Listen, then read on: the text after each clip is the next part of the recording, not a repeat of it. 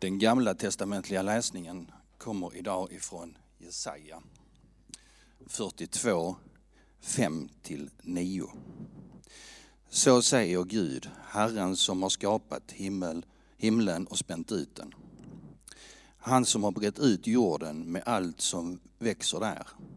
Han som har gett liv åt folket som bor där och ande åt dem som vandrar på den. Ja, Herren har, skapat har kallat dig i rättfärdighet. Jag ska hålla dig i handen. Jag ska bevara dig och göra dig till ett förbund för folket, till ett ljus för hedna folken. För att du ska öppna blinda ögon och föra fångar, fångar ut ur fängelset. Ur fångenskapen, de som sitter i mörker. Ja, Herren, det, det är mitt namn. Jag ger inte min ära åt någon annan eller mitt lov åt avgudabilder. Se, det jag har förkunnat, förkunnade förut har kommit. Nu förkunnar jag nya ting. Jag låter er höra om dem innan de visar sig. Och jag tänker, när jag läste igenom den här texten innan, så tänkte jag på två saker. Det är framförallt fängelse och mörker. Och jag tänker att jag har varit i fängelse i 30 år, där djävulen var fängelsedirektör.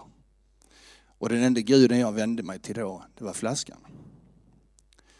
Och jag blev hela tiden, hela tiden så misslyckades jag. För att jag gick i egen kraft. Och detta mörker, jag såg aldrig något ljus. Utan jag var i det mörkret hela tiden. Ända till jag hittade Jesus. Där han visade vägen. Han är ljuset och han är vägen. Och friheten. Där jag får lov att gå i frihet idag som är helt fantastisk. Och jag bara tackar Jesus Kristus varenda dag för det.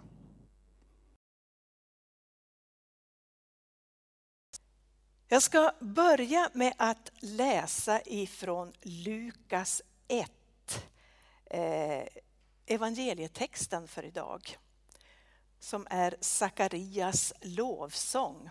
Och jag läser i Jesu namn.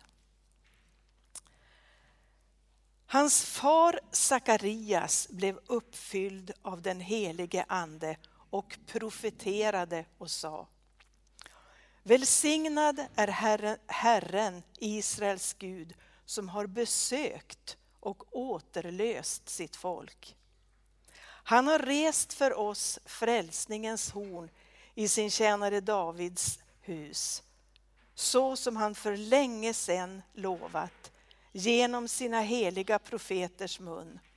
Frälsning från våra fiender och från alla som hatar oss.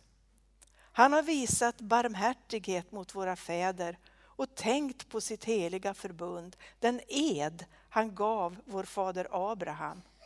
Att vi, frälsta från våra fienders hand, skulle få tjäna honom utan fruktan, i helighet och rättfärdighet inför honom alla våra dagar. Och du, barn, ska kallas den Högstes profet. För du ska gå före Herren och bana väg för honom. Du ska ge eh, hans folk kunskap om frälsningen med förlåtelse för deras synder genom vår Guds barmhärtiga kärlek så ska en soluppgång från höjden besöka oss för att lysa över dem som sitter i mörker och dödsskugga och styra våra fötter på fridens väg. Barnet växte och blev starkare i anden och han levde i ödemarken fram till den dag då han skulle träda fram inför Israel. Den här texten kallas, som jag sa tidigare, för Sakarias lovsång. Han är så uppfylld av den helige Ande och han är så tacksam över att han har fått en son, Johannes. För det var ju så här att Sakarias han var gammal. Och han tillhörde någonting som hette eh, Abias avdelning. Man alltså var eh, ett gäng präster som var indelade i 24 avdelningar och så hade man olika eh, turer när man fick gå in i templet och tända rökelseoffret. Och, bland, I den avdelningen, Abias avdelning, så var det ju många präster. Vem skulle idag få gå in och tända eh, rökelseoffret? Och så föll lotten på Sakarias och han fick gå in och göra det. Och så är han där inne och ska, ska tända det här offret. Och så börjar Herren tala till honom. Och så säger han, du ska få en son.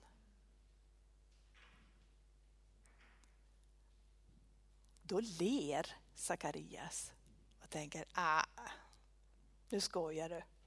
Alltså du vet ju hur gammal jag är och du vet hur gammal min fru är. Alltså det, går, det, det, det funkar inte så. Så han log. Och då säger ängeln så här. Jo, du ska få en son och han ska kallas den högstes profet. Men bara för att, och han ska heta Johannes, han fick veta att han skulle heta Johannes. Men bara för att du log så ska du bli stum. Du ska inte kunna prata. Så där står de andra prästerna utanför och väntar på att han ska komma ut och ge dem välsignelsen. Och så kan han inte prata. Han kan inte säga ett ord. Men nu är Johannes född och nu är han så överlycklig så han brister ut i lovsång. Och han börjar med att profetera om Jesus som det står om honom i skrifterna, som det står om honom i Gamla Testamentet. Och så fortsätter han och så beskriver han Johannes uppgift. Du min son, du ska gå före och bana väg. Du ska ge hans folk kunskap om frälsningen och förlåtelse för deras synder. I den här texten, då är ju Johannes fortfarande bara ett litet barn. Och han håller på att växa till sig. Han håller på att förbereda sig för sitt uppdrag att bana väg för Herren. När hans fru Elisabet var i sjätte månaden så fick en annan kvinna, vilken tror ni? Maria då fick Maria ett möte med ängel Gabriel att hon ska föda en son, Jesus, den högstes son. Johannes han var den högstes profet, Jesus han är den högstes son. Och nu är det så här att Maria och Elisabet är släkt. Maria är ung, Elisabet är gammal. Och Maria har precis fått veta att hon ska få ett barn. Så hon går för att träffa Elisabet. Och när Elisabet hör Marias hälsning, då sparkar barnet till i magen, alltså Johannes. Och, och han blir uppfylld, hon och han, blir uppfylld av den helige Ande. För det står några verser tidigare i, i, i den här, inte den jag läste, men tidigare i texterna. Han ska bli uppfylld av den helige Ande redan i moderlivet. Nu hoppar vi fram lite grann i berättelsen om Johannes. Nu har han vuxit upp och nu går han runt Jordan och förkunnar omvändelsens dop till syndernas förlåtelse. Precis det som eh, det stod om i texten och som Sakarias sa. Att du ska ge hans folk kunskap om frälsningen med förlåtelse för deras synder. Nu var han ute och, och predikade det. Och folk undrar ju, alltså vem är det här? Och det, det, det sades många saker, men en sak som eh, Johannes sa, jag är rösten som ropar i öknen. Gör vägen rak för Herren. Och en dag så kommer Jesus gående där. Och Johannes säger så här, se Guds lamm som borttar världens synd. Då är det ju så här att Johannes han är prästson på både mammas och pappas sida. En aronit. Han kommer från en överste prästsläkt. Och översteprästerna var de som gick in i templet för att godkänna offret. Godkänna offret i templet. Nu vittnar Johannes om Jesus. Se Guds lam som borttar världens synd. Jesus är det slutgiltiga offret som tar bort världens synder. Nu behöver det inte offras några offerlamm mer, för det är Jesus som är det slutgiltiga offerlammet som har tagit våra synder på sig. Ty så älskade Gud världen att han utgav sin enfödde son för att var och en som tror på honom inte ska gå förlorad utan ha evigt liv. Och vet ni, det här uppdraget det har vi också fått. Att som Johannes fick, ge kunskap om frälsning i Jesus Kristus. Eller som det står i Matteus 28, att vi ska gå ut och göra alla folk till lärjungar. Vi finns ju i en organisation, i en rörelse som heter EFS. Och EFS har en vision som säger att vi vill se människor och samhällen förvandlade av Jesus. Vi vill se ett förvandlat land. Johannes döparen, han förberedde sig i öknen. Vi behöver också förbereda oss. Vi behöver rusta oss. Och jag har funderat på det här ordet rusta. När jag började fundera på det här ordet rusta så befann jag mig i Västerbotten i mitt föräldrahem. I mitt barndoms kök. Och då kunde jag höra mammas och pappas röster. De kunde säga så här, jag har gett rust ut med. Eller, jag har gett röst ut pojka. Eller jag har gett röst ut en Einar till skogen. Så förstår ni vad jag säger? Nej. Det betyder att jag måste, för, jag måste eh, förbereda mig, jag måste göra mig i ordning, jag måste packa, jag måste, liksom, jag, jag, jag måste göra mig i ordning. Vet man alltid hur man ska vara rustad? Finns det mode i rustningen? Idag i vårt individuella, i vår individualistiska samhälle är det populärt att säga eh, om det känns rätt för dig så är det säkert rätt. Bibeln säger så här, nu ska vi se om jag hittar igen det här. Eh.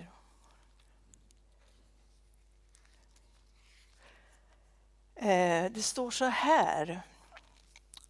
De vägrar att lyssna till sanningen och vänder sig till myter. Men var du sund och förnuftig på alla sätt.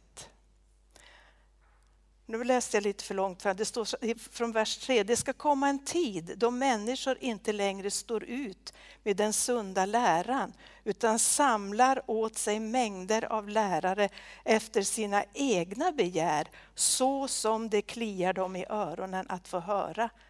De vägrar att lyssna till sanningen och vänder sig till myter. Någon som känner igen sig? Man söker forma sin egen rustning. Man låter det världsliga, det individualistiska tänkandet styra. Som det kliar oss i öronen. Men eh, eh är det så Bibeln, Bibeln säger ju att vi ska inte göra så. Och hur ska jag då som kristen och som lärjunge vara rustad. Ska vi se, nu har jag satt så mycket lappar i min bibel så nu hittar jag väl inte bara för att jag satt dit så många. Kolosserbrevet 3 står det så här. Klä er, så här ska ni vara klädda, klä er som Guds utvalda och heliga och älskade i innerlig barmhärtighet, godhet, ödmjukhet, mildhet, tålamod. Ha överseende med varandra och förlåt varandra om ni har något att anklaga någon för.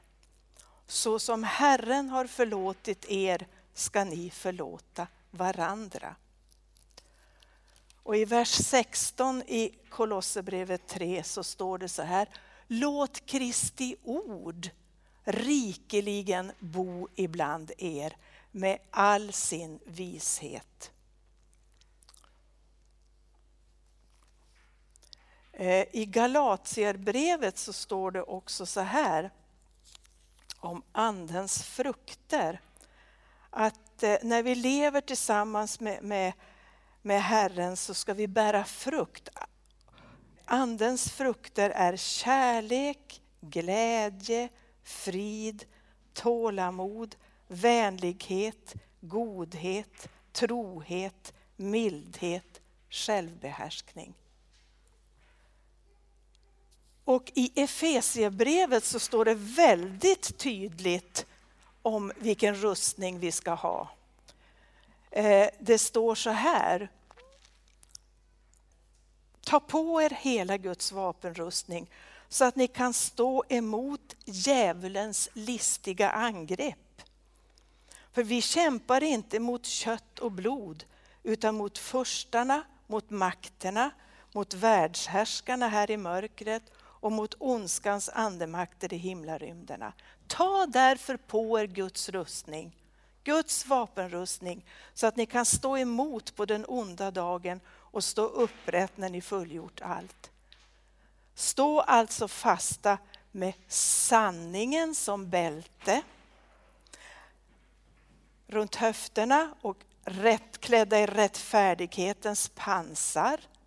Bär som skor på era fötter den beredskap som fridens evangelium ger.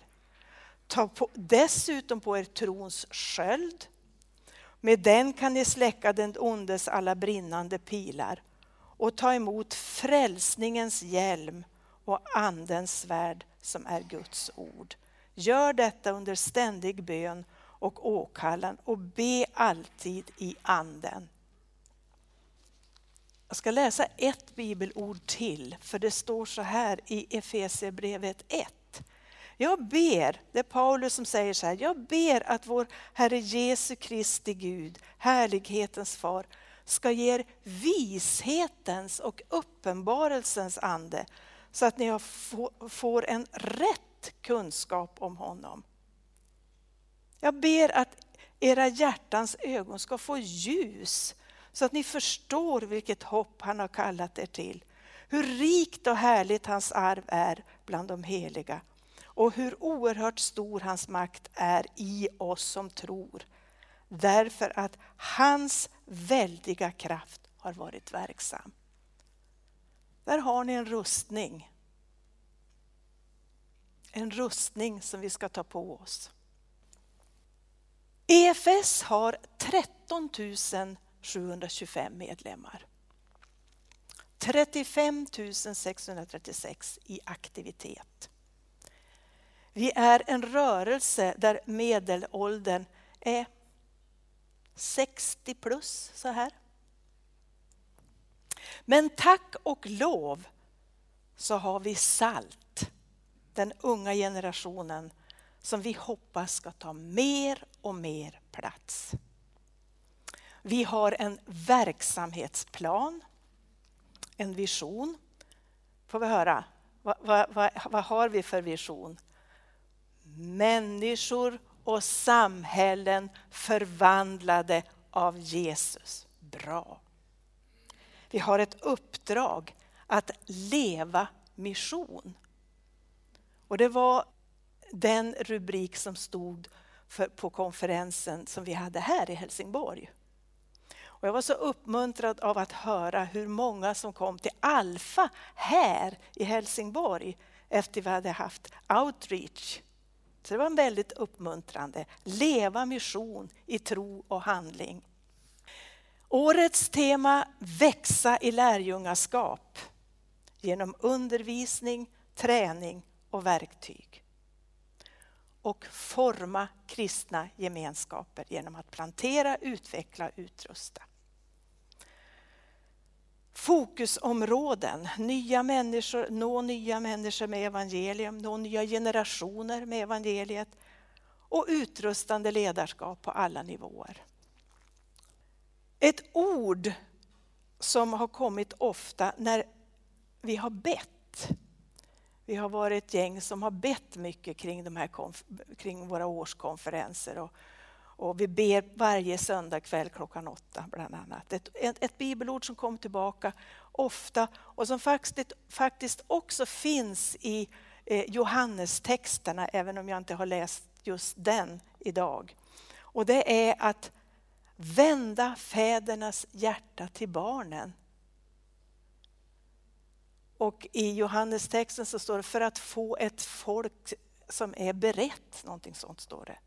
I Malaki så står det att vända barnens hjärta till eh, fäderna, fäderns hjärta till barnen för att landet inte ska gå till spillo. Det är ganska tuffa saker som står. Vända barnens hjärta till fäderna, fädernas hjärtan till barnen. Och jag tror att det är ett väldigt viktigt ord. För att i det här uppdraget att förverkliga vår vision så behöver vi varandra. Lyssna på varann. Stötta varann. Ge varann utrymme. Vi behöver varandra, unga och gamla.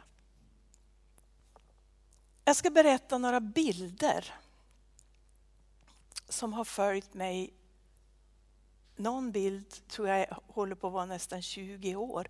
Men det är levande bilder. Och jag börjar med häcken. Och nu är jag tillbaka i mitt föräldrahem. Och eh, jag och Ingvar har precis tagit över vårt, vårt köpt, köpt mitt föräldrahem och man börjar greja och så. Och då har mamma en häck som hon är väldigt rädd om, en nyponhäck. Och den, vet, ni kan ju tänka er på, på, på sommaren när den blommar alldeles full och det doftar gott och, och så. Men det blir ju gammalt. Till slut så blommar det bara uppe på. Och under är det risigt. Så jag, jag tog mig an den där häcken och jag klippte och jag drog. Och det blev mindre och mindre kvar. Det gjorde ont. Det blir tomt här. Nej men titta här! Hittade jag en vinbärsbuske. Eh, vita vinbär. Mamma, sa jag, titta här är en vinbärsbuske med vita vinbär.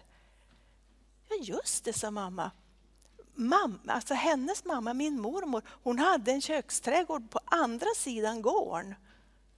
Och där hade hon vita vinbär och tänker, ja just det. Och här växer den nu på den här platsen. Förfädernas förböner.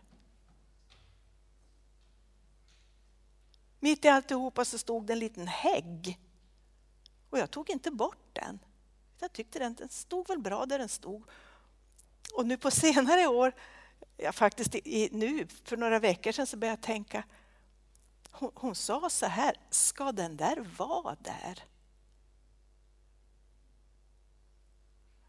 Ja, jag tyckte det. Jag, ty jag, tyckte att den kunde få växa där. Och idag så är det ett stort, stort träd. Och jag tänker också på våra sammanhang.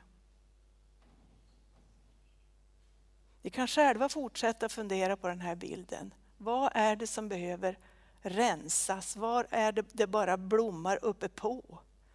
Vad är det för något torrt som vi behöver klippa bort? Där vi behöver ge utrymme för något, någonting som någon har bett fram.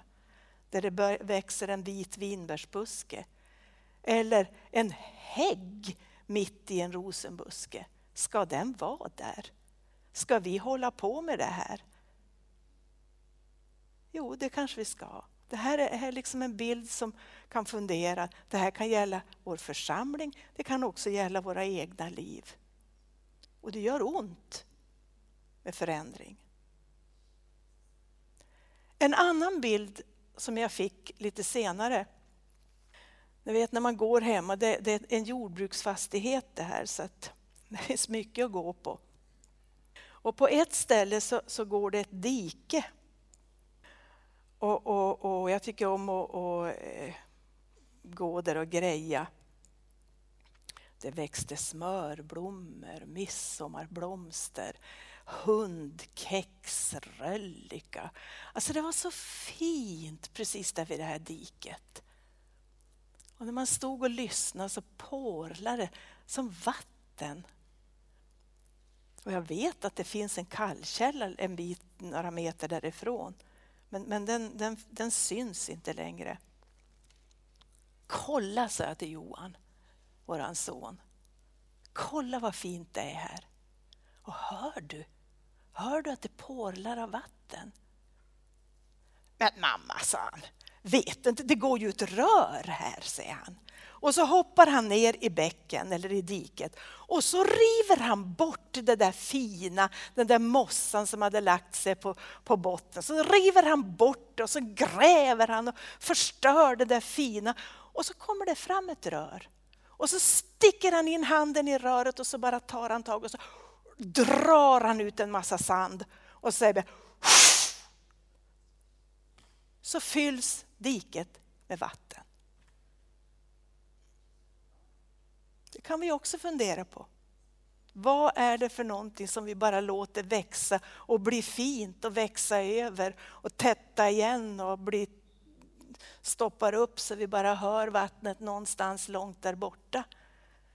Eller vågar vi liksom ta bort, vågar vi sticka handen i röret och rensa ut det som har tättat igen, som gör att vattnet inte flödar fritt. Den tredje bilden handlar om en båt. Det brukar vara fisketävling hemma hos oss för vi bor intill en sjö och en å eh, som, som går längst ner på, på en åkerkant. Vi brukar alltid lägga i båten. Men nu skulle det vara fisketävling och vi hade lagt i båten så de tyckte att nej, den kan inte ligga där när det ska vara fisketävling. Så att de hade lagt upp den där båten på land. Och där låg den ett tag. När fisketävlingen var slut så låg den kvar där ett tag. Och sen så, så fick vi lägga tillbaka den. Så vi tog båten och så la vi i den och så sa det och så blev den full av vatten. Och det där är också en bild som har talat till mig på olika sätt. Och när jag förberedde det här så kom de här tankarna. Du kanske finns här som tycker att du har blivit upplyft på land. Att du är i vägen. Och du ligger där på land och torkar ihop. Inte vet jag. Men en båt ska vara i vattnet. Herren vill använda oss. Herren vill att vi ska vara i det levande vattnet. Det levande vattnet gör att vi tätnar. Att det bär. Och även om du tycker att du har blivit upplyft på land eller ställt vid sidan av på något sätt, så finns det en uppgift. Ligg i vattnet, ligg i det levande vattnet. Låt dig fyllas av det levande vattnet så att du tätnar och att det bär. Jag kommer tillbaka till mitt barndomskök. Hur gör man då när man rust ut sig? När man gör sig i ordning? Vi hade lagård. Så när mamma och pappa skulle rusta ut sig för att vara på symöte, så vad gör man då? Inte går man i lagerskläderna, utan man måste tvätta sig. Man tvättar sig och man byter om. Och i, i en kristen kontext så kanske man får göra så här, att man får bekänna sin synd. Man får be om förlåtelse. Man får rening i Lammets blod. Vi får byta kläder. Vi får ikläda oss Kristus som säger om någon är i Kristus så är han en ny skapelse. Det gamla är förgånget och något nytt har kommit. Så får vi gå ut och vara Johannes i vår tid. Med vår rustning, den rustning som vi har fått ta på oss. Där vi har gjort oss i ordning, där vi har rustat oss, där vi har renat oss, där vi har gjort oss i ordning för att gå ut. Så får vi gå ut och vara Johannes i vår tid. Och precis som Christer sa i början och som du också läste i Jesaja i den gamla testamentliga texten, så får vi gå ut och förkunna Jesus. Jesus som har ett glädjens budskap för de fattiga. Han utropar frihet för de fångna. Han ger syn för de blinda. Han ger de förtryckta frihet och förkunnar ett nådens år från Herren. Amen. Låt oss be. Tack Jesus Kristus för att du är vår far och frälsare. Jag tackar dig Jesus Kristus att du kom hit till oss. Som offerlammet som tog vår synd och skuld på dig en gång för alla. Tack att till dig får vi komma. Till dig får vi komma med våra brister, vi får komma med våra svagheter. Vi får komma med vår synd och skuld och be om förlåtelse. För det var det du tog på dig.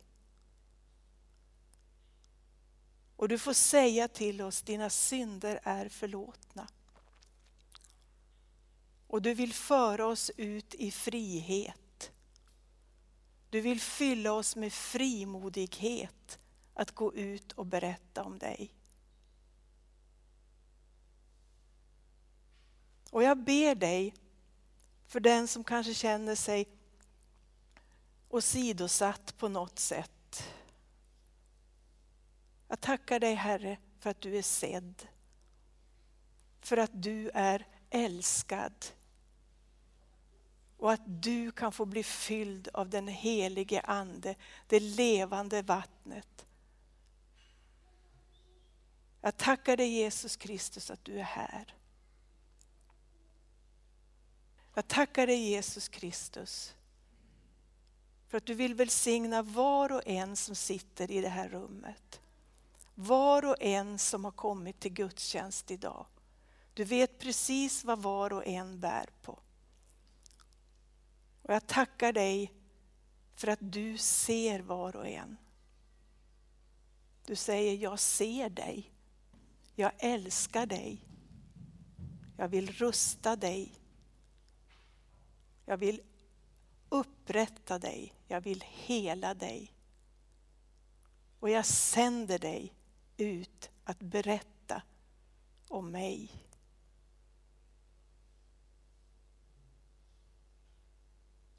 Jag tackar dig Jesus Kristus för att vi får lägga oss i dina välsignade händer.